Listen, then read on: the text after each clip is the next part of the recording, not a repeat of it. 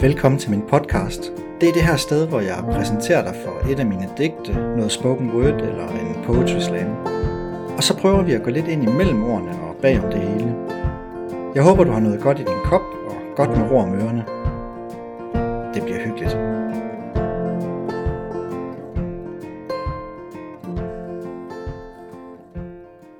Lige om lidt er det jul. Lige nu er det advent, og det, som fylder mig, er faktisk præcis det samme tema, som vi har talt om i de sidste to podcasts. Lys. Mørke og lys. I et af juleevangelierne, begyndelsen på Johannes evangeliet, der står der, i ham var liv, og livet var menneskers lys. Og lyset skinner i mørket, og mørket greb det ikke. Og i mit yndlingsadventssted i profeten Esajas bog står der, det folk, der vandrer i mørket, skal se et stort lys. Lyset skinner for dem, der bor i mørkets land. Når lys og mørke kæmper, er det aldrig en lige kamp, fortalte en klog veninde mig for nyligt. Og det er rigtigt. Lys kan fordrive mørke. Det virker ikke den anden vej. I dag skal vi høre fra en fyr, som en anden klog kvinde har lært mig at kende. Ignatius eller Jola hedder han. Han er nemlig virkelig gode og vise ting at sige om det med lys og mørke. Ignatius levede i 1500-tallet, næsten parallelt med Martin Luther. Før sin omvendelse blev han såret i et slag og lagt i seng i sin families hjem. Her lå han og kede sig. Så han bad om noget at læse i. Men de romaner, han normalt holdt af, den lidt vilde slags som skønne jomfruer og tapper ridder osv., dem var der ikke nogen af. Til gengæld var der nogle helgenlegender. Det gjorde noget godt for ham at læse om, og han blev omvendt og nu ville han være Guds kriger. Når han lå der og dagdrømte, nogle gange ind i sin gamle identitet, hvor det mest handlede om krig og skønne jomfruer, og andre gange i sin nye identitet om fromhed og hellighed, blev han opmærksom på, at det påvirkede hans humør. Ikke bare i dagdrømmen, men også i, i dagene efter. Nogle dagdrømme fik ham ind i en tilstand af tomhed og nedtrykthed, og andre gange blev han fuld af glæde og fred. Dagdrømmene vendt hen imod Gud afled med tiden glæde og fred. Dagdrømmene, som var vendt væk fra Gud eller mod noget andet, førte over tid til det modsatte. Det havde stor betydning, om Ignatius gav plads til Guds ånd eller en falsk ånd i sine dagdrømme. Den måde Ignatius taler om de her to stemninger eller atmosfærer, fandt mig et sted, hvor jeg virkelig havde brug for det. De sætter ord, bedre end jeg selv kan gøre det, på noget, som er min erfaring, og mange tror jeg – Ignatius taler om to tilstande, trøst eller mistrøst, eller i, i virkeligheden synes jeg, begreberne er bedre på engelsk. Øh, her kan man kalde det consolation og desolation. Consolation og desolation. Ordene har det her med om, om trøst og mistrøst, men der er også det her aspekt med, at, at noget hænger sammen, consolation, som i konsolidering, og noget er ved at falde fra hinanden, desolation. Consolation, det som den sande ånd, Guds ånd virker, det er kendetegnet af fred og indre ro. Fornemmelsen af Guds nærvær, af afklarethed og gennemsigtighed, af et liv i tro og håb og kærlighed. Tro, håb og kærlighed. Det er sådan nogle ord, man er stødt på så tit, så de næsten mister indhold. Men her er mit take på ordene, og, og jeg tror også, at Paulus, som fandt på den, øh, har det samme take. Ordene de handler om fortid, fremtid og nutid. Om at kigge bagud, fremad og at være lige her. At kigge bagud i tro betyder, at fortiden er afklaret. Det handler om kors og opstandelse og total tilgivelse. Tro er det modsatte af fortvivlelse, tror jeg. Det er dyb tillid til Gud og verden. Til at det er okay at kigge fremad i håb betyder, at noget godt er i vente. I sidste ende bliver det godt. Det handler om, at Gud sætter alt tilbage, hvor det egentlig skulle stå. Det er ikke håbløst. Faktisk kæmper vi en kamp, som dybest set er vundet. Og kærlighed. Kærlighed er den gode, venlige, tålmodige, selvopoffrende væren i verden, som måske først bliver rigtig mulig, når man tror og håber Nå, det var en lang indskudt sætning om, hvad der også ligger i consolation. Noget jeg virkelig kan genkende i den her tilstand, det er, at den også er kendetegnet af store ønsker og længsler. Når jeg er i consolation mode, når jeg går mig en tur og fortæller Gud, hvor glad jeg er og sådan, så går der sjældent lang tid før mit hoved kredser om et nyt projekt, en ny erkendelse, en dyb længsel.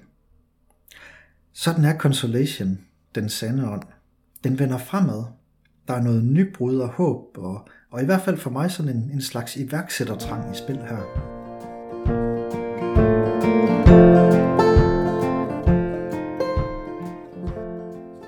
Tro, håb og kærlighed. Fornemmelsen af Guds nærvær. Fred og indre ro. Store ønsker og længsler. Gennemsigtighed. Men sådan er livet ikke altid.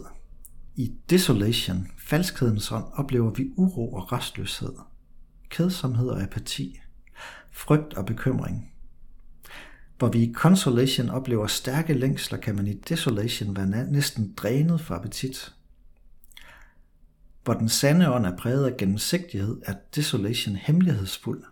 Den er mangel på tro, mangel på håb og kærlighed, mangel på fornemmelsen af Guds nærvær. For mange af os er mørket i desolation lige så genkendeligt som lyset i håbet og fortrøstningen. Og det er vigtigt at sige, tror jeg, inden vi går videre, at, at de fleste mennesker oplever både tider med consolation og desolation i større eller mindre grad. Det er ikke et barometer for, om din tro er god nok. Men hvad er så pointen, tænker du måske? Altså, billederne er måske genkendelige, men, men hvad er det, jeg vinder ved at kende dem? De gevinster, de er mange og store. Først et par helt konkrete og nøgterne gode råd. Hvis du er i desolation, så lad være med at tage store og vigtige beslutninger. Vent til du ikke er der mere. Det er bare bedst for alle. Og giv fokus til det gode. Når du lægger hovedet på puden, så spørg dig selv, hvordan var mine følelser i dag? Hvor var jeg opløftet? Hvor var jeg tom og grå, forvirret? Sig tak for alle de gode øjeblikke og hold fast ved dem. Måske bliver man endda opmærksom på nogle helt praktiske forhold. At gå sukkerkold, eller at leve uden pauser, eller frisk luft, eller rytme, eller i for meget larm, kan have stor betydning for din sindstemning. Nogle gange er det nemt at gøre noget ved. Men det, som i hvert fald for mig er det helt afgørende, det som er det forløsende ved at kende til Ignatius eller Jolas tanker om consolation og desolation, det ligger i de andre navne, jeg har brugt om de to stemninger, den sande ånd, consolation, og den falske ånd, desolation. Der er en af dem, som er sand, og der er en af dem, som er falsk. Det kan faktisk være lidt af et Archimedes punkt at vide det. Giv mig et sted at stå, et fast punkt, og jeg vil flytte verden, sagde Archimedes jo. Det her, det kan flytte mit sind faktisk.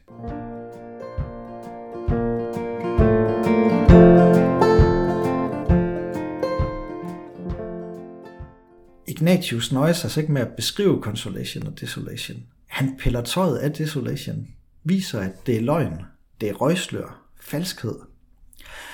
Det er så vigtigt.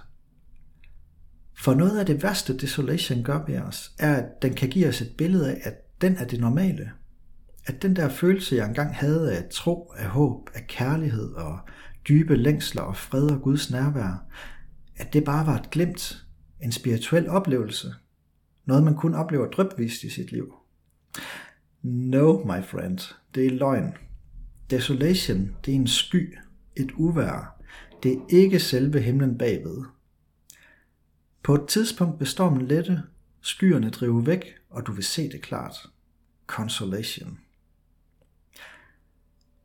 Du føler dig måske træt lige nu, for man kan virkelig blive træt af at kæmpe, også, også selvom det man kæmper mod er falskhed og røgslør. Men ved du hvad? Mørke skyer og uvær bliver også træt.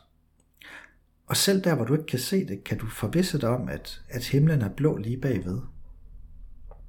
For nogen der er skyen stor. Virkelig stor. Stor som en sort og mørk livsbegivenhed, som farver alt gråt og sætter tro og håb under hårdt pres. I den kristne kirke, der har man et begreb for den erfaring. Sjælens mørke nat. Måske kan det være godt for dig at vide, at det på den måde er en delt erfaring. Der er så mange, som har været der, at det har fået sit eget navn. Det er de færreste af de, som har kæmpet sig igennem, som, som ikke er blevet forandret af det. Men de ved også, at der er en morgen efter natten.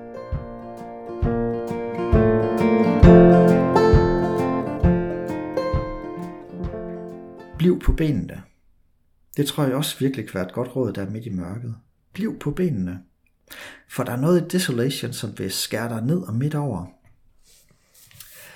Henry Navn, som du har stødt på nogle gange, hvis du før har lyttet til den her podcast, han taler om self-rejection, altså selvafvisning, som en, en særlig farlig fristelse og forseelse. Trangen til bare at give op på sig selv. Være ligeglad med sig selv. Den er på en særlig måde til stede i Desolation. Jeg tror, at han har ret. At ligesom det er galt at tænke for højt om sig selv, at tænke, at man er Gud selv, så er det galt at afvise sig selv.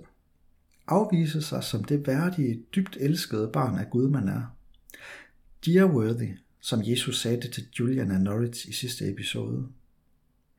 Det kan nok let misforstås, det navn siger. Som om, at, at der får et spot til skade og lægge byrder på et allerede brudt menneske. Jeg tror mere, det handler om at sætte nogle solide bander op på den bowlingbane, som handler om, hvordan man, man tænker om sig selv. En gang imellem siger min datter Johanna nogle ret grimme ting om sig selv. Hvis, hvis hun har lavet en fejl for eksempel, så siger hun, jeg er bare så dum, dum, dum. Det jeg har fundet ud af med mig selv i den situation, det er, at jeg er ikke så god til det der med at forstå og lytte mig helt ind på, hvad der virkelig er galt. Jeg er sådan set ret god til at argumentere, men, men ærligt, hvem, hvem af os kan klare en syvårig i den disciplin? Derimod så er jeg virkelig god til at skælde ud, så, øh, så det er jeg begyndt på i stedet for.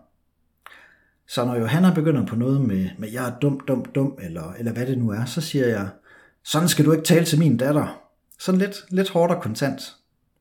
Og hvis du vidste, hvor fantastisk min datter er, så, så det, det stopper bare der. Og så, så siger hun sådan noget som, jamen, jamen far, jeg siger det jo bare til mig selv. Og så siger jeg, at jeg er da fuldstændig bedøvende ligeglad med, hvem der siger sådan noget vrøvl. Sådan er der ikke nogen overhovedet, der skal tale til min datter. Nu må vi se, om det virker. Om, om der med tiden kommer de der bander på hendes selvbilledes bowlingbane, eller, eller om hun kommer til at fortælle det hele til en psykolog om 20 år, hvem ved. Men jeg tror, det er det navns advarsel om self-rejection, selvafvisning, betyder. Ingen skal tænke skidt om, ingen skal afvise et værdigt, ubetinget elsket, dear worthy, Guds barn. Heller ikke os selv. Mod og styrke til dig, som kæmper for at blive på benene.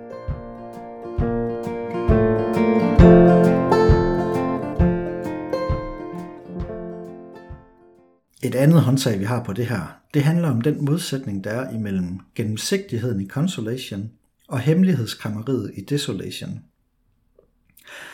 Det med hemmelighedskrammeri, det er jo lidt af et household trick for alle verdens frister og forførere. Det er en hemmelighed, vi to har sammen. Hvis andre finder ud af det, vil magien forsvinde, visker forføreren. Og det er selvfølgelig løgn. Det er helt åbenlyst. Hvis, hvis det er kærlighed, hvis det er godt, ægte og skal være, så kan det selvfølgelig holde til lyset. Dynamikken er lidt den samme i Desolation. Hvis de opdager det, vil ingen have noget med dig at gøre. De her tanker er så mørke og mærkelige, at dem må du for alt i verden holde for dig selv. Du er en dag faktisk lidt af en ædel ridder på en virkelig, virkelig flot hest, hvis du på den måde kæmper kampen alene, så dem omkring dig ikke skal, skal lide under det. Det er løgn. Det håber jeg, du ved. Det tror jeg, du ved. For der skal faktisk for det meste ikke mere til, end at nævne det. Desolation og falskhed hader lys og sandhed. Så for enhver pris, få det ud i det åbne. Tal med nogen om det. Hvis du ikke har en tæt på, du er komfortabel med, så øh, tag fat i en psykolog, din lokale præst. Du skulle vide, hvor mange gange jeg har prøvet, at noget, som var stort og frygteligt inde i mit hoved, krympede og visnede ind til nærmest ingenting, når jeg fik sagt det højt. Det sidste, jeg vil sige om Desolation, for det er faktisk lidt hårdt bare at tale om det og lytte til det. Vi har snart brug for at kaste os over lyset igen. Det handler om det med restløshed og uro. Og her taler jeg virkelig til mig selv. Jeg er faktisk lidt forundret over, at jeg aldrig er nået til slutningen på Facebook i min endeløse scroll ned og ned og ned. Det er mit personlige yndlingsdrug mod desolation. På kort sigt at opholde hjernen ved alt muligt andet.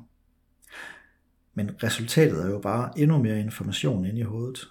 Endnu mere restløshed. Måske endnu større frygt og bekymring, hvis du har fanget noget af den slags op i dit troll.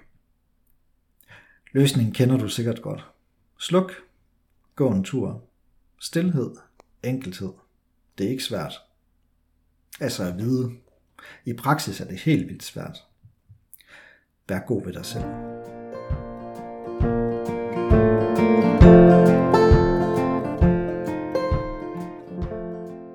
Kan du huske det, jeg sagde om, at, at desolation er løgn, falskhed, og at consolation er sandhed? Det er så godt at tænke på. Og hvis du er i tvivl om nogle af de her ting, hvis dine tanker spænder løgn om dem, så siger jeg lige tre helt basic sandheder til dig. Gud er god, Gud er stærk, og Gud kan nå dig. Gud er god, mere end op til himlen, skriver David i en salme.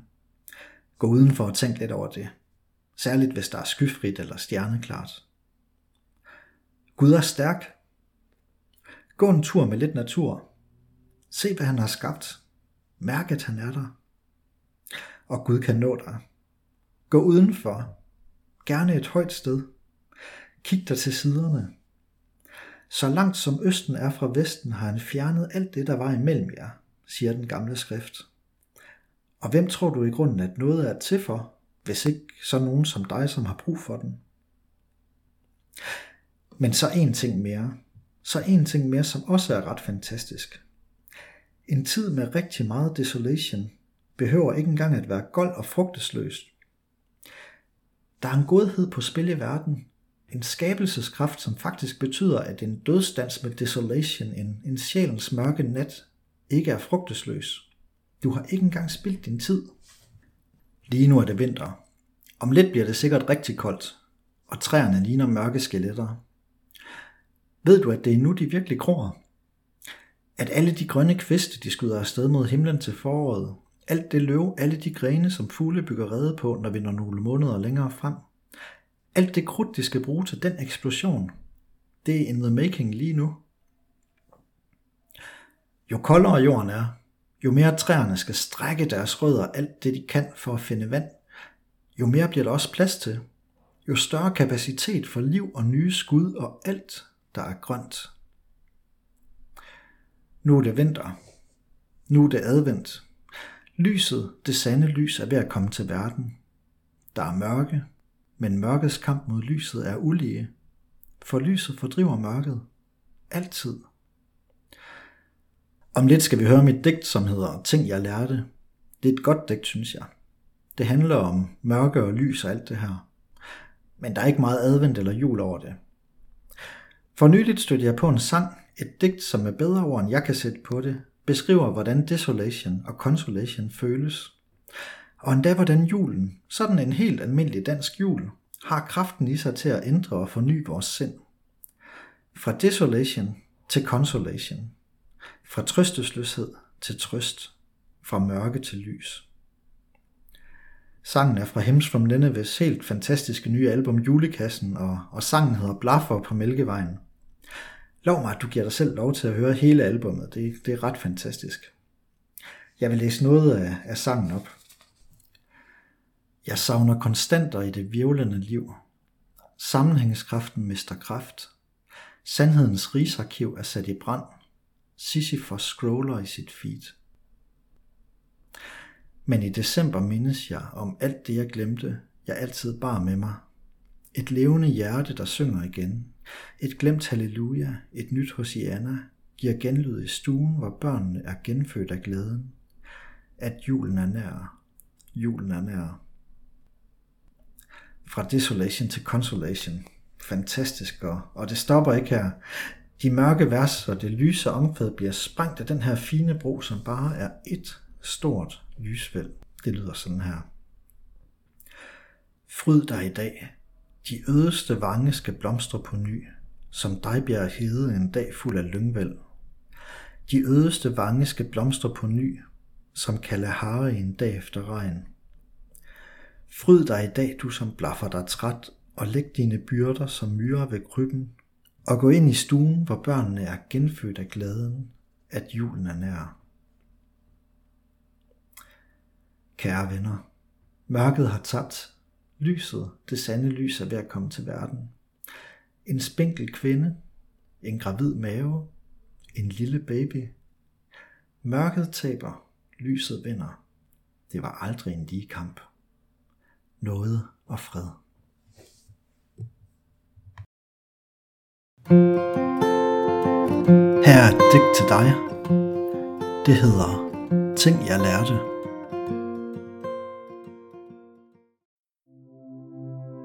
Her er nogle af de ting jeg lærte.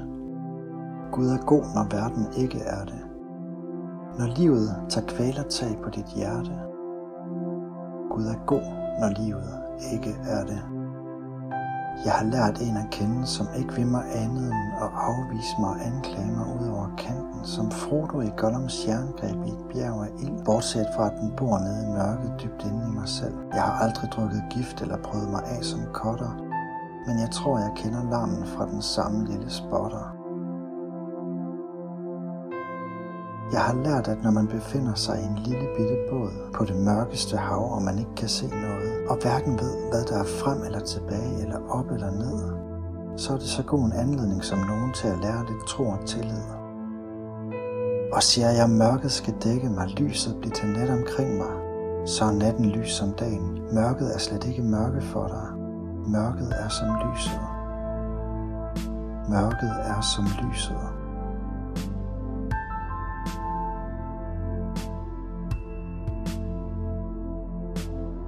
Og jeg har lært, at noget ikke kun er dråber til en ørkenvandrers knastørre mund, men høje bølger, som banker og banker ind over min kyst og mærkes som stød fra elefanthegn i mit bryst. Som mit bæger og bassiner og store oceaner, der flyder over gennem bløder og blødgør og vander. Som at alt for tabthed og mørke ender som leret i et par kreative og nænsomme hænder, så alt brudt bare er på nippet til at blive skabt, så at anklageren allerede har tabt.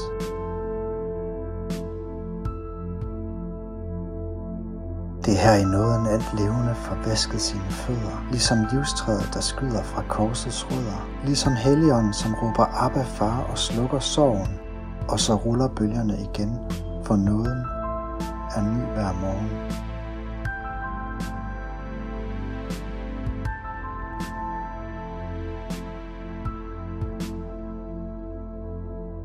Du er den vej, jeg går på, den sandhed, som renser mine forvirrede tanker fra frygtens frekvenser. Nu vender jeg tilbage med dit, alt er dit, alt er givet. Du er vejen og sandheden og livet. Ud af mit hoved, ind i dit hjerte. Ud af mit hoved, ind i dit hjerte. Her er nogle af de ting, jeg lærte. Gud er god, når verden ikke er det.